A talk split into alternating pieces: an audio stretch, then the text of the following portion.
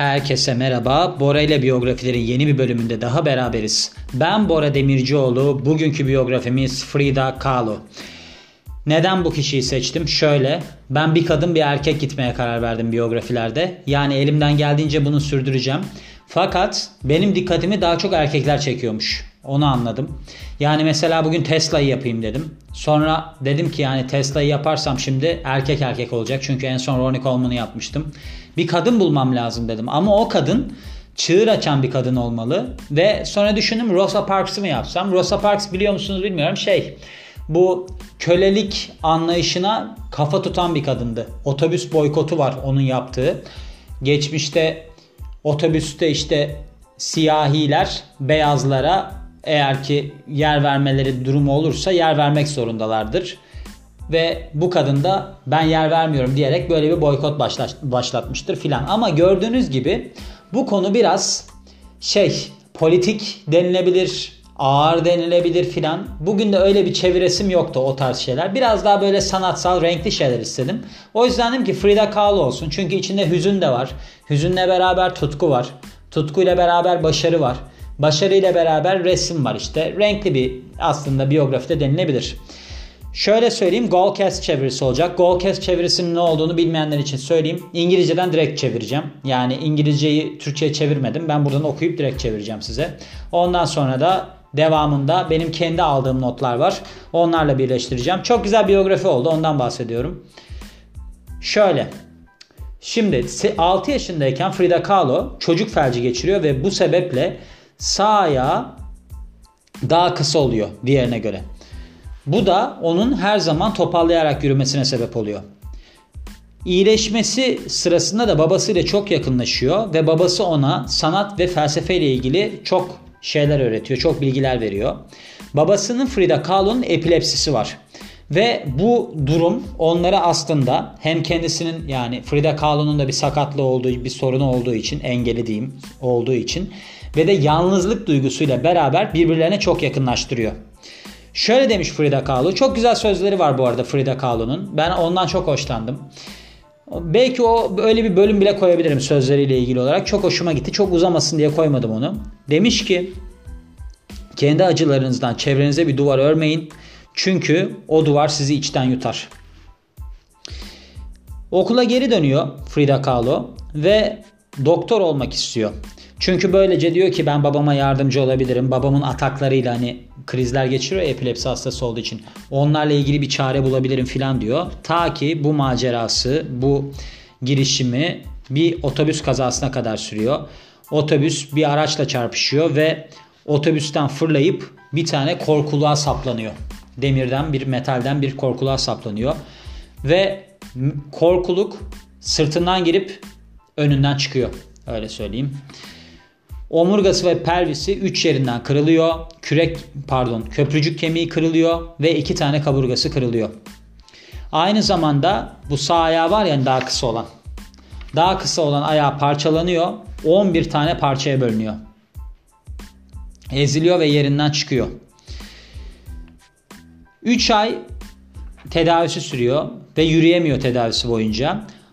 Yaraları öylesine ciddi ki bütün bu tıp öğrenimiyle ilgili planlarını falan rafa kaldırıyor. Onlardan tamamen ayrılıyor.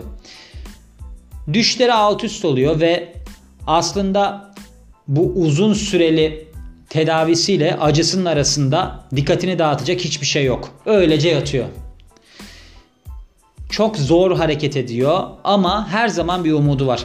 Bakın bu kadının bence en önemli bize ders vermesi gereken noktası umudu. Umudunu hiçbir zaman kaybetmiyor. Yani bana çok gerçekten ilham oldu bazı noktalarda. En önemlisi de sanata karşı bir tutkusu var. Şöyle demiş. Demiş ki tutku sizi acıdan alıp değişime götüren bir köprüdür. Babası ona bir tane böyle boyalardan ve fırçalardan oluşan kutu veriyor ve onun üzerine yani yattığı yatağın üzerine bir ayna asıyorlar. Ayna konumlandırıyorlar diyeyim. Oradan da kendini görebiliyor. Böylece ne yapmaya başlıyor? Zaten kendisinin çok meşhur olduğu kendi resimlerini çizmeye başlıyor. Ve bunu yaparken dünyayı, gördüğü dünyayı kendi gözleriyle nasıl görüyorsa o şekilde aktarıyor. Daha fazlasıyla değil. Öncelikle tüm ihtişamıyla kendisini çizmeye başlıyor. Ve sürekli olarak da aslında yatakta kalmaya mecbur. Çünkü çok ağrısı var, çok acıları var. 35 tane ameliyat geçirmiş. Ve sağ ayağı, sağ bacağı ampute edilmiş. Hiçbir zaman çocuk sahibi olamamış bu kadın. Ve bu aslında yaşadığı acılar içerisinde kendisine sorulduğunda en büyük acısıymış. Babasının bir resmini çizdi bu kadın. Yani ileriki zamanlarda. O resim var hatta bakarsanız görürsünüz babasının resmi diye. Ama babası öldükten çok uzun zaman sonra yapıldı bu tablo. Ve aslında babası onun için her zaman bir rol modeldi. Ona ilham veren kişiydi. Babası Frida Kahlo'ya her zaman çok çalışmayı ve hassas olmayı öğretti ve özellikle de katlanmaya karşı bir güç verdi. Yani bu acılarına katlanmaya karşı bir güç verdi. Ona dayanman gerektiği duygusunu aşıladı. Yani sanat onun acıyı aşmasındaki bir güç oldu, bir itici güç oldu. Şöyle diyor, diyor ki günün sonunda biz tahmin ettiğimizden çok daha fazla şeye e, katlanabileceğimizi anlayabiliriz demiş. Öyle bir sözü var.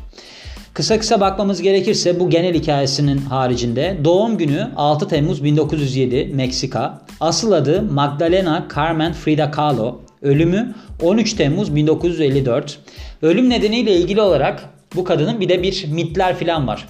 Ölüm nedenine diyorlar ki akciğer yetmezliği. Ama diyorlar ki bir otopsi yapılmamış ve bir kesimde diyor ki uyuşturucudan aşırı dozda uyuşturucudan öldü. Böyle bir belirsizliği var. Kendi portreleriyle tanınıyor Meksikalı ressam bildiğiniz gibi. Ve aslında bir çığır açıcı bir şey yapıyor. Yani klasik Meksika halk sanatını sürrealizmle birleştiriyor. Bunu hiçbir zaman kendisi kabul etmemiş sürrealizmi böyle bir resimlerindeki şeyi. Fakat böyle algılanıyor. Ve resimleri self expression yani böyle kendini tanıtma adına yapılan bir sembol olmuş. Mutsuz bir evliliği olmuş Frida Kahlo'nun ve bununla beraber de birkaç evlilik dışı ilişki yaşamış ve zamanının cinsellik açısından en özgür kadınlarından biriymiş. Bu 1925 yılında geçirdiği otobüs kazasından önce hani demir bir kaza saplanıyordu ya yoldaki. Ondan önce reklam çizeri Fernando Fernandez yanında çırakmış ve Fernando ona aslında çizimin temellerini öğreten kişiymiş. 1929'da da Meksikalı ressam Diego Rivera ile evlenmiş. Bunun filmi var biliyorsunuz. Selma Hayek oynuyor. Çok da başarılı bir film. Çok güzel bir film.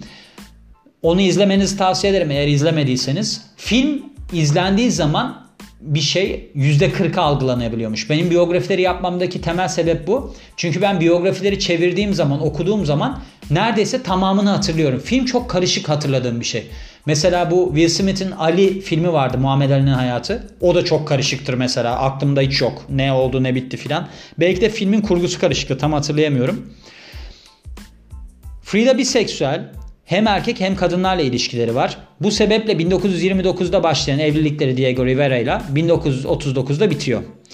Ve 13 Temmuz 1954'te de 47 yaşındayken Meksika'da demin de bahsettiğim gibi akciğer yetmezliğinden öldüğü söyleniyor ama bazı kaynaklarda da diyorlar ki işte uyuşturucu doz, uyuşturucuda aşırı dozdan öldü. Ama ölümünden önce bu bacağının kesilmesi falan oluyor. Yatağa bağlanıyor iyice. Kangren oluyor bacağı. Öyle çok sorunlar yaşamış birisi. Hayatı boyunca bu kadın acı çekmiş. Yani sürekli olarak sağlığıyla ilgili sorun yaşamış, sürekli acı çekmiş, sürekli ağrısı olmuş. Çok zor bir hayatı olmuş. Bu Meksikalı ressamın resimlerini de görürseniz hep tek kaşlı ve aslında böyle tüy tüy bıyıkların olduğunu filan görürsünüz. Bu kadının hiçbir zaman öyle bir huyu olmamış. Yani yüzündeki kılları alma, kaşını alma gibi huyu olmamış. O tarz bir yaklaşımı varmış. Böyle zaten ikonik biliyorsunuz resimleri de. Öyle esprilere bile konu oluyor yani. Böyle bir durum. Hatta kendisinin sayesinde Bruno filminde Selma Hayek'in de çok kıllı olduğuyla ilgili bir espri vardır. İzlerseniz görürsünüz. Eşcinsel bir modacıyı oynar. Adamın adını unuttum şimdi. Bu Diktatör filmindeki oynayan adam. Aslında onda biyografisi yapılabilir. İlginç bir adamdır o da. Böyle gördüğünüz gibi hiçbir zaman vazgeçmememiz gerektiğini. Hatta şöyle söyleyeyim eğer bir hayalimiz var ve o yolda gidemiyorsak gidemediysek aksilikler falan olduysa kendimize başka bir hayal kurmamız gerektiğini anlatan bir biyografi bir kişi. Ben çok saygı duydum. Neden saygı duydum? Çünkü insanlar acılarıyla ileri gidemiyorlar genellikle. Ne oluyor? Acım var deyip Öyle işte mesela bu pozisyonda başkaları olsaydı muhtemelen yatağa bağlanıp hayatı boyunca bunalıma girerdi. Ama bu kadın yani evlilik dışı ilişkiler yaşamış, politik bir görüşü varmış, politik bir durumları var. Burada bahsetmedim. Biraz ağır kaçıyor diye biyografilerde. Ondan artık hoşlanmamaya başladım o direkt olarak politik olmadığı sürece. O yüzden hiçbir zaman umudumuzu kaybetmememiz gerektiğini anladığım benim bir biyografi oldu. Bana ilham oldu. Hoşuma gitti. Sizler için de umarım aynı hisleri doğurmuştur diyorum ve bu biyografinin de sonuna geliyorum. Ben Bora Demircioğlu. Beni dinlediğiniz için çok teşekkür ederim. Yeni bir biyografide görüşmek üzere. Hoşçakalın.